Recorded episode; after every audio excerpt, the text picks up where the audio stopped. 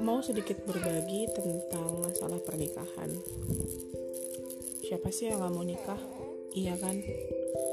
Tapi kadang orang tuh gak bisa memulai duluan.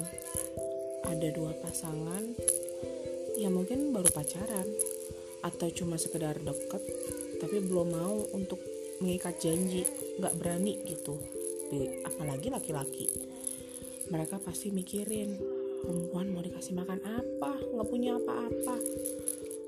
Apalagi masih punya orang tua tanggungannya besar. Gimana sih caranya untuk berani memulai?